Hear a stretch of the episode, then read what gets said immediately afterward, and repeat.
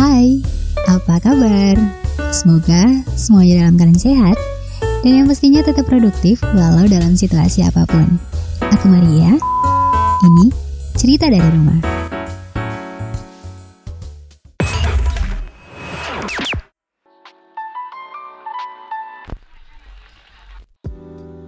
Oke, untuk episode pertama podcast cerita dari rumah akan mengangkat topik nih mengenai Perkenalkan, ini aku yang muda.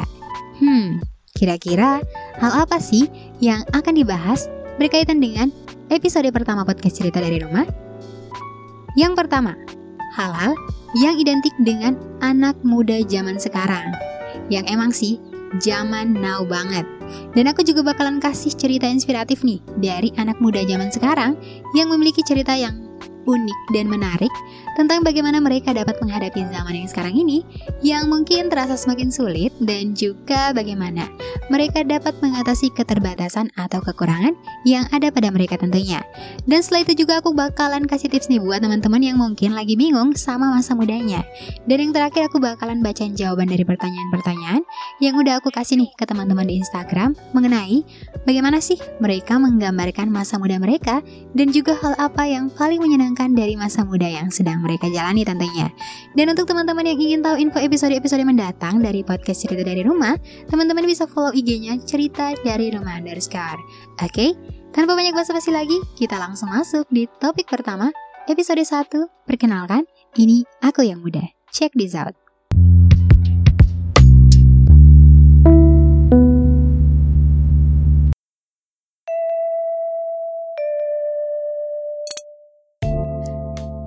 Dalam sejarah, pemuda Indonesia memegang peranan penting dalam memperjuangkan kemerdekaan Indonesia melalui organisasi pergerakan, ide, dan gagasan-gagasan mereka tentunya. Kalau teman-teman masih ingat nggak sih sejarah kolonialisme Belanda di Indonesia? Lahirnya Gerakan Pemuda Indonesia berawal dari kebijakan politik etis yang menyadarkan orang-orang pribumi terhadap nasionalisme. Nah, momen ini nih yang menjadi titik awal semangat para pemuda untuk bersatu memperjuangkan kemerdekaan Indonesia. Dan gak terasa ya, sudah 75 tahun kemerdekaan itu bertahan. Dan beberapa hari yang lalu kita juga sudah memperingati Hari Sumpah Pemuda. Kemerdekaan sudah kita rasakan. Dan sekarang kita sudah memasuki era globalisasi, di mana serba keterbukaan informasi dan kemudahan akses teknologi tentunya. Hal ini nih yang menciptakan interaksi tanpa batas jarak, waktu, maupun negara. Beda zaman ya, udah pasti dong. Beda pula tantangan yang dihadapi oleh Indonesia. Kalau dulu, para pahlawan kita memberantas penjajah dan memperjuangkan kemerdekaan. Kini, tantangan yang dihadapi pemuda zaman sekarang bervariasi, mulai dari derasnya arus informasi, daya saing tenaga kerja yang ketat, hingga kemajuan teknologi yang bisa menggantikan manusia. Hmm, ini nih yang menjadi tugas kita, para pemuda, untuk bisa menghadapi tantangan tersebut dengan melanjutkan semangat mimpi para pahlawan dalam memajukan dan menjaga persatuan Indonesia tentunya.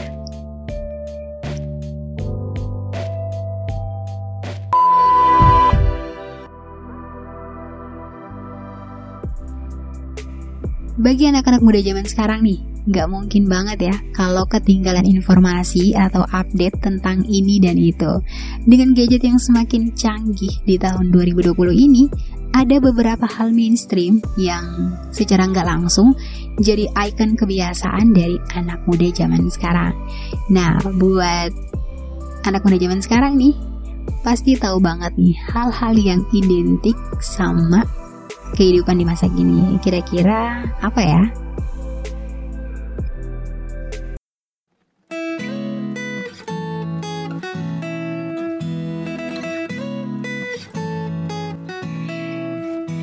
Oke, okay, ini nih hal-hal yang identik banget sama anak muda zaman sekarang. Yang pertama, ini gue yang muda yang suka sama K-pop.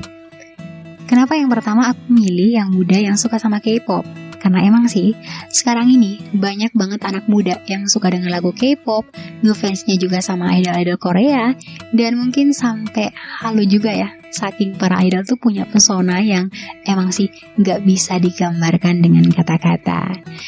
Dan untuk sekarang ini juga, siapa sih yang nggak tahu sama K-pop? Apalagi Blackpink, BTS, dan masih banyak lagi. Hampir semua orang gak akan asing lagi nih kalau dengar istilah K-pop. Karena sekarang ini, dunia K-pop adalah salah satu yang paling diminati oleh anak-anak muda nih, terutama para kaum hawa ya. Dan pertanyaannya, kenapa sih banyak anak muda, terutama para kaum hawa, suka banget sama K-pop? Dari beberapa artikel yang udah aku rangkum, ini jawabannya.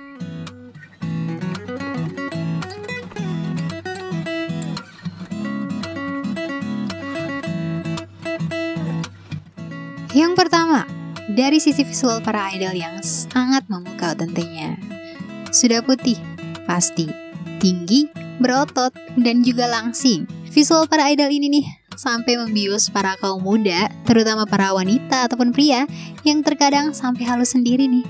Sampai ngebayangin ya, gimana kalau bisa ketemu mereka, juga bisa salaman sama mereka, Ya mungkin sekalian ya jadi pacar mereka.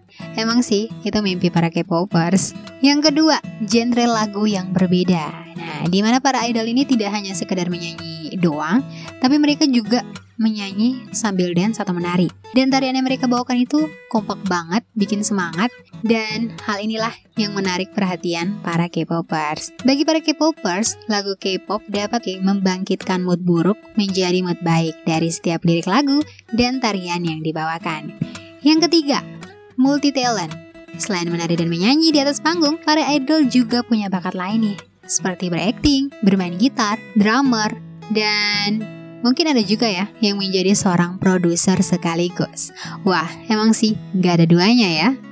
Yang terakhir nih ya, selain punya visual yang memukau, genre lagu yang berbeda, multi talent, para idol Korea ini juga stylish. Ini nih yang membuat para K-popers semakin jatuh hati sama para idol Di mana gaya berpakaian mereka yang keren, modern, sangat fashionable banget Membuat para K-popers tuh semakin mengagumi para idol Dan menjadi inspirasi untuk para K-popers dalam bergaya tentunya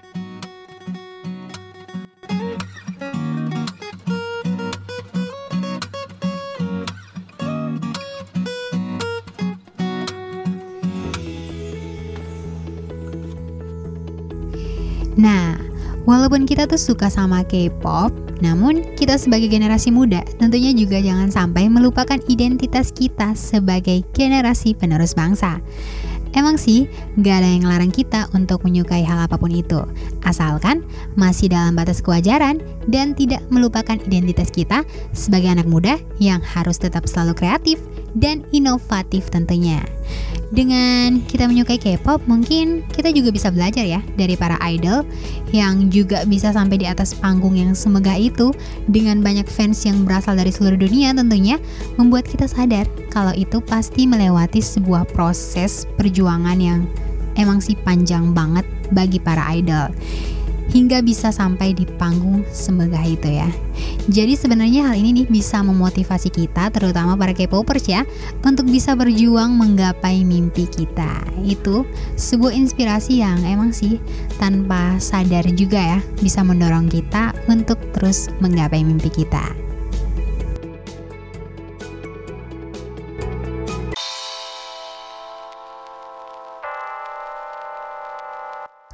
Yang kedua, ini gue yang muda yang suka selfie dan keponya nggak ada obat. Ini nih ya, salah satu hal yang paling digemari anak muda zaman sekarang yang suka banget selfie.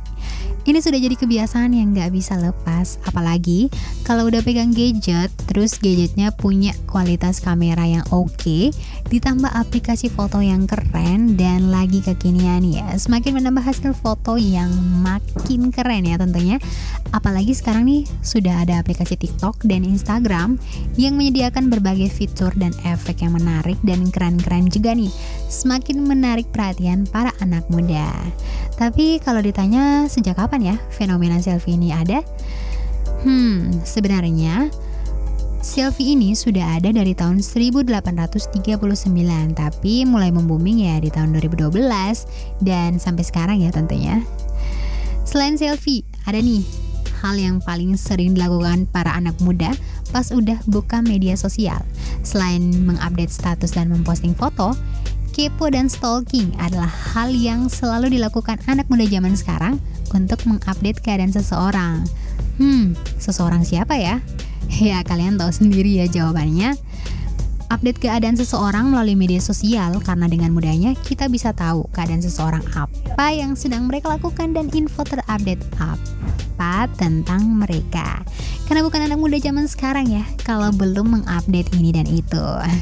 Terutama nih buat kamu yang belum siap move on dari si mantannya atau gebetannya mungkin ya harus siap-siap galau seketika karena melihat update-nya si doi mungkin lagi sama gebetannya atau sama pacarnya ya. Ya, kepo dan stalking selalu menjawab pertanyaan dan rasa ingin tahu kita tentunya terhadap seseorang. Buat kalian yang fans sama artis atau yang lagi tenar-tenarnya sekarang ya, pas banget tuh. Jadi harus sering-sering kepo ya, biar nggak ketinggalan informasi.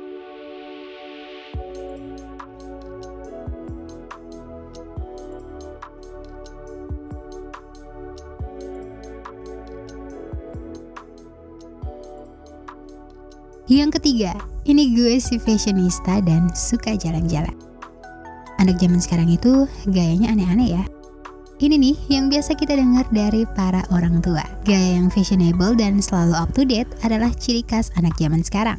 Sekarang ini semakin marak ya fashion icon, styler blogger, dan artis-artis sosial media yang berfashion enak dilihat yang bikin anak zaman sekarang mau ikutan. Nah, banyaknya fashionista sekarang ini bisa menambah ketenaran loh. Bermodal gaya fashionable, unik, dan juga gampang diikuti saat mengupload ke Instagram dengan hashtag OOTD, kamu bisa menambah follower dan like. Bahkan, para online shop nih siap buat mengendorse kamu. Dan mau jadi fashionista itu nggak harus mahal dan beli outfit baru. Kalau kamu pintar memix dan match baju lawas kamu, kamu bisa kok bikin OOTD keren. Gak kalah juga sama artis-artis Instagram lainnya. Oke, okay, selain fashionista nih, anak muda zaman sekarang tuh suka banget hangout atau jalan-jalan.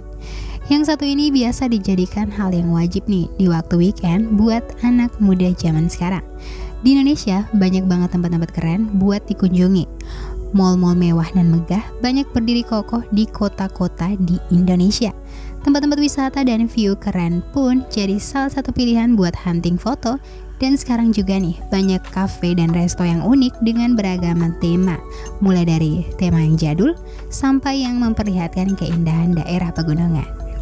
Pasti buat kalian yang anak zaman sekarang nih gak lengkap ya. Kalau belum hangout ke tempat keren yang diupdate sama teman di media sosial mungkin.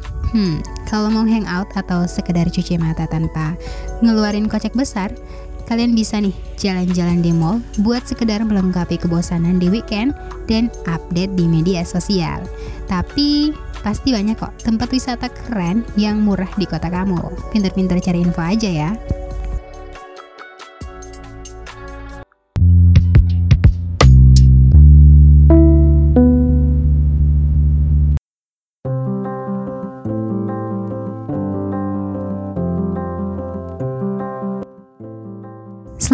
Kita masuk pada cerita inspiratif dari anak-anak muda yang punya kisah yang unik dan menarik. Karena menurut aku nih, cerita inspiratif itu bukan hanya dari orang-orang yang sudah sukses, dari orang-orang yang punya banyak pengalaman, dan juga dari orang-orang yang punya banyak prestasi. Tapi menurut aku kisah inspiratif itu bisa kita ambil dari siapa saja dan dari orang-orang yang menghargai proses, terus juga uh, ingin perubahan yang lebih baik, aku rasa itu sebuah inspirasi dari orang-orang di sekitar kita mungkin seperti orang tua kita. Semuanya adalah inspirasi ya menurut aku dan apalagi saat ini kita lagi menghadapi pandemi COVID-19 ya. Jadi aku milih buat ambil kisah inspiratif dari anak-anak muda yang berpartisipasi dalam COVID-19 Diaries yang diadakan oleh UNICEF Indonesia untuk anak-anak muda dapat membagikan cerita mereka yang menginspirasi tentang bagaimana mereka menghadapi pandemi COVID-19 yang menghambat berbagai kegiatan dan juga bagaimana mereka tetap kreatif dan juga tetap terus berkarya walau dalam situasi yang menyulitkan serta apa yang akan mereka lakukan untuk membangun dunia yang lebih baik setelah pandemi. Seperti apa ya kisah para anak muda ini? Yuk simak ceritanya.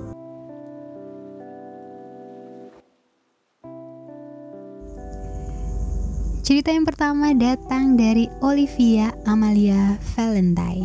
Nah, Olivia Amalia Valentine atau biasa dipanggil Valen saat ini tinggal di Yogyakarta.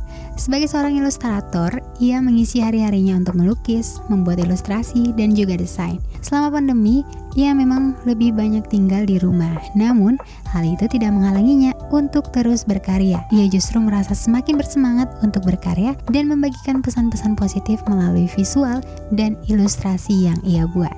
Sebelum pandemi, Valen sering mengadakan pertemuan dengan teman-teman komunitas ilustrator untuk melakukan kegiatan kesenian bersama, seperti pameran lukisan. Sejak pandemi, ia dan teman-teman ilustrator dari berbagai wilayah Indonesia tetap rutin berkomunikasi secara virtual untuk berbagi ilmu serta tetap produktif, misalnya dengan mengadakan pameran virtual. Karya Valen untuk COVID-19 Diaries berjudul produktif berkarya meski di rumah saja. Pesan yang ingin dia sampaikan adalah di mana pun kita berada dan bagaimanapun kondisi saat ini, marilah tetap aktif berkarya. Terus sebarkan manfaat bagi diri sendiri, keluarga, atau orang lain, meski dimulai dari hal-hal yang kecil. Valen berharap pandemi ini bisa segera berakhir sehingga semua orang dapat beraktivitas secara normal kembali. Walaupun pandemi ini belum berakhir, jangan patah semangat terus berusaha melakukan hal-hal positif dan bermanfaat.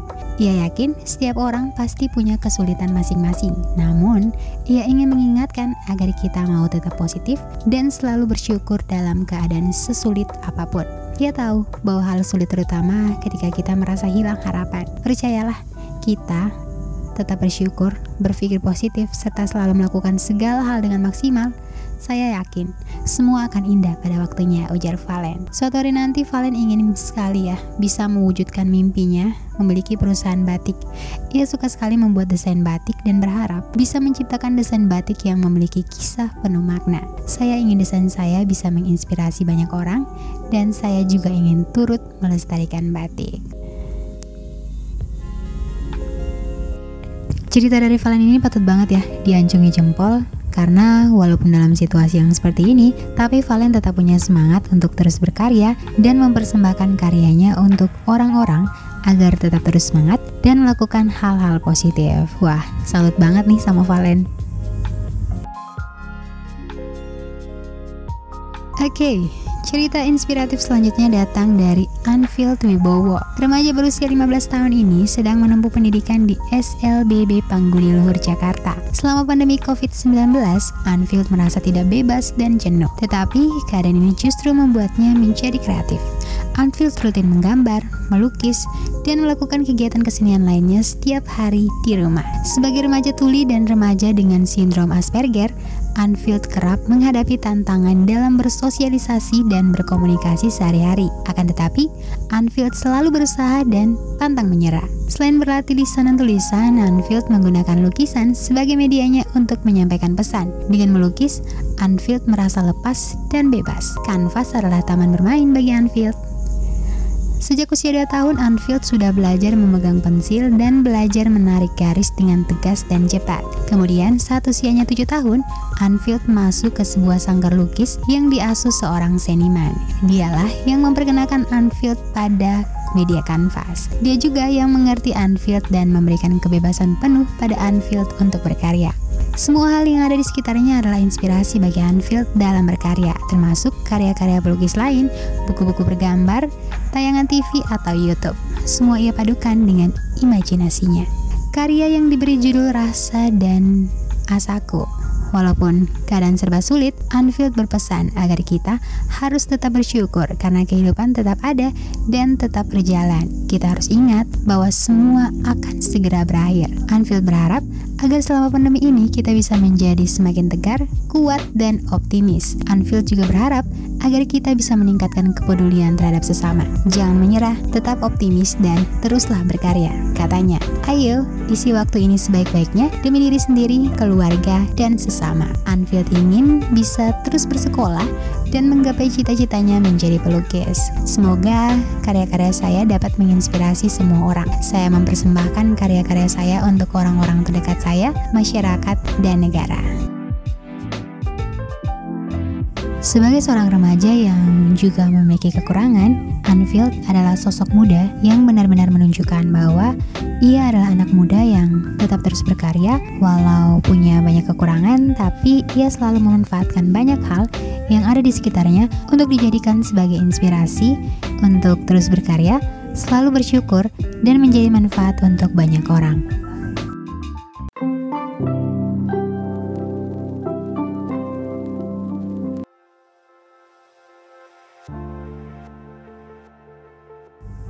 Untuk kamu yang mungkin masih bingung nih sama masa mudanya, mau ngelakuin apa gitu biar masa mudanya tuh lebih bermanfaat dan lebih menyenangkan juga. Aku punya beberapa tips yang mau aku bagikan buat teman-teman dan semoga bisa bermanfaat ya.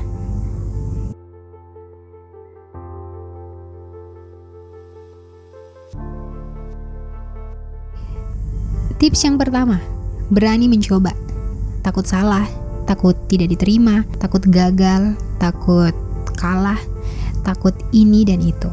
Semua orang pasti pernah merasakan ya yang namanya ketakutan. Takut itu seperti sebuah perasaan yang selalu ingin dihindari. Alasannya ya karena ingin melindungi diri agar tidak terluka.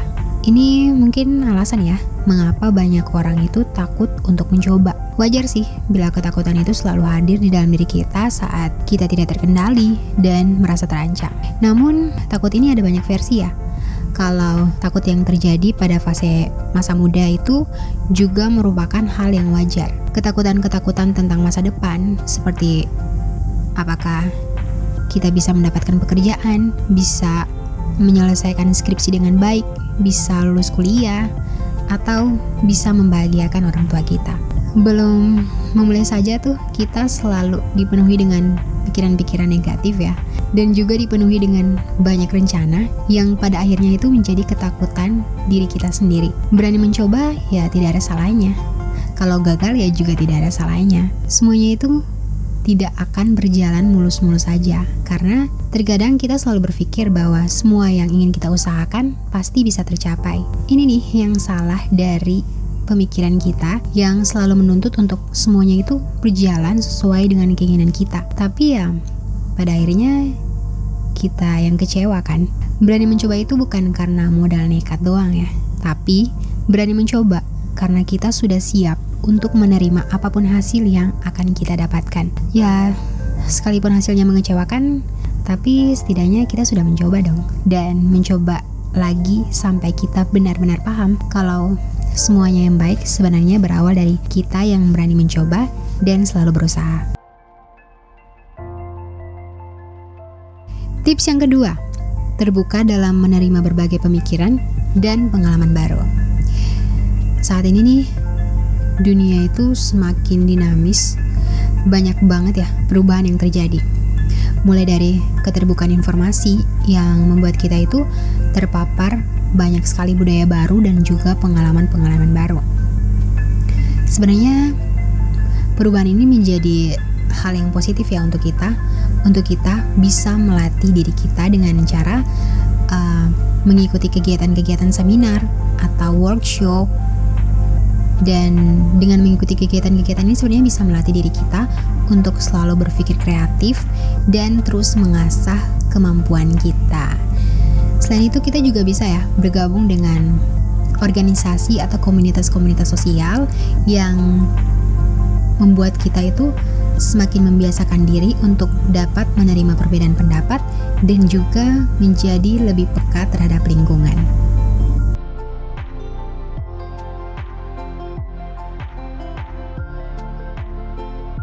Tips yang ketiga, menjadi penggunaan internet dan media sosial yang baik.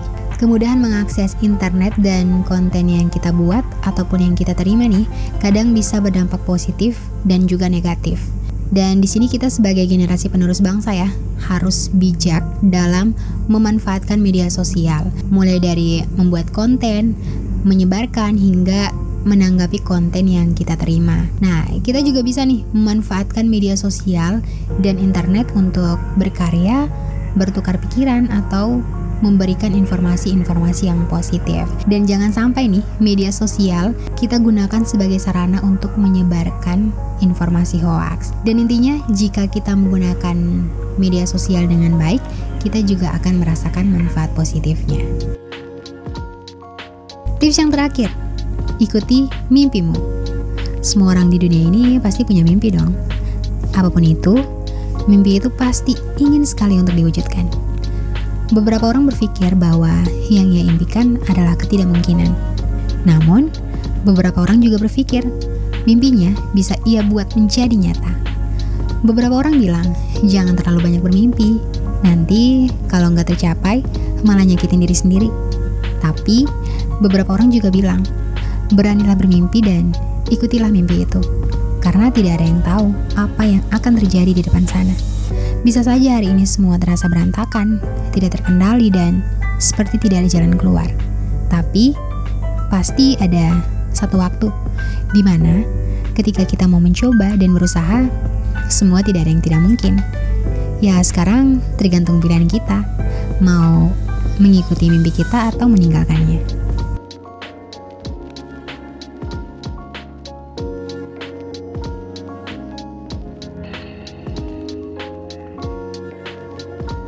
Terakhir, aku akan bacain pertanyaan yang sudah aku kasih ke teman-teman di Instagram tentang bagaimana mereka menggambarkan masa muda mereka dengan satu kata dan juga hal apa yang paling menyenangkan dari masa muda yang sedang mereka jalani. Oke, yang pertama dari Christine underscore DN yang menjawab pertanyaan hal apa yang paling menyenangkan dari masa muda yang sedang dijalani. Nah, jawaban dari Christine yaitu berteman. Ya memang benar sih, kalau masa muda itu selalu identik dengan pertemanan, di mana masa muda adalah masa di mana kita bisa melakukan banyak hal dan ingin selalu untuk berbagi cerita dan pengalaman dengan orang-orang yang satu frekuensi ya sama kita dalam hal ini punya hobi yang sama mungkin atau minat yang sama untuk bisa saling berbagi cerita dan juga saling menyemangati tentunya.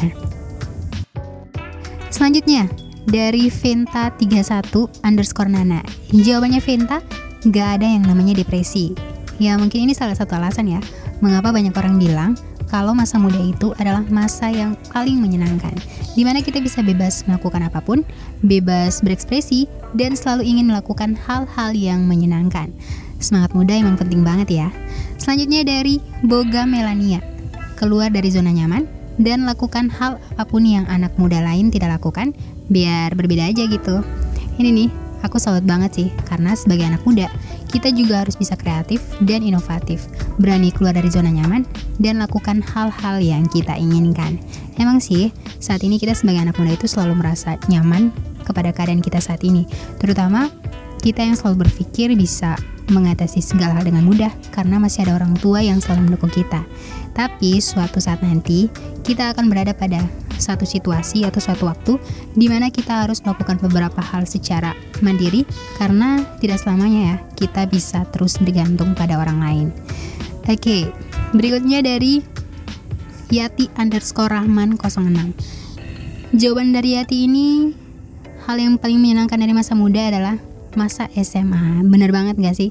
Kalau masa SMA itu kan banyak banget ya kenangan sama teman-teman yang buat kita itu susah banget ya move on dari masa SMA. Selanjutnya dari Kristi Edo dan Vera Taneo, jalan-jalan. Emang sih masa muda ini kesempatan ya buat kita untuk hangout sama teman-teman, lakukan hal-hal yang kita suka, terutama jalan-jalan. Berikutnya dari Yuyu underscore RK underscore kakak. Hal yang paling menyenangkan dari masa muda adalah bebas. Ada juga dari Unita J52 mimpi, dan dari Agnesio. Hal yang paling menyenangkan dari masa muda itu grateful. Memang sih, masa muda patut banget ya disyukuri. Nah, pertanyaan selanjutnya nih tentang gambarkan masa muda kamu dengan satu kata. Yang pertama dari Karim Rukmini. Mini menggambarkan masa mudanya dengan satu kata yaitu rumit. Ya, masa muda itu pasti juga ada saat-saat ya di mana kita juga harus memikirkan masa depan yang terkadang juga buat kita itu pusing sendiri seperti kapan bisa selesai kuliahnya terus juga bisa dapat kerja yang baik atau enggak banyak banget lah hal yang membuat kita itu juga harus berpikir untuk merencanakan dari sekarang tentang masa depan kita. Tapi apa pun itu, jangan terlalu dirumitin ya. Semangat aja dan terus maju karena kita pasti bisa melewati masa-masa rumit di masa muda. Semangat Mini! Berikutnya dari Apri Hambati 14. Apri menggambarkan masa mudanya dengan satu kata, yaitu berkat. Bener banget nih, masa muda itu adalah berkat yang harus patut disyukuri dan juga harus dapat dimanfaatkan dengan sebaik-baiknya. Yang terakhir dari Denita 04. Denita menggambarkan masa mudanya dengan satu kata, yaitu perubahan. Yaps, bener banget, masa muda menjadi kesempatan kita untuk melakukan banyak hal yang dapat membawa perubahan terutama untuk diri sendiri, keluarga, dan juga untuk bangsa dan negara. Unik-unik banget ya jawaban dari teman-teman ini dan aku juga mau ucapin terima kasih. Terima kasih banyak banget untuk teman-teman yang sudah mau membagikan jawabannya juga dan yang sedang mendengarkan podcast cerita dari rumah. Apa pun itu masa muda yang sedang kalian jalani, ada satu quotes nih dari Bapak Sosilo Bambang Yudhoyono untuk anak-anak muda di mana pun kalian berada. Nikmati masa muda dengan baca buku, olahraga, dan berteman. Masa muda sangat menyenangkan, sekaligus tidak bisa diulang. Bener banget nih, masa muda adalah masa yang tidak bisa diulang. Jadi, manfaatkan sebaik mungkin ya, lakukan hal-hal yang positif, dan tetap selalu semangat. Sampai jumpa di episode berikutnya podcast Cerita dari Rumah.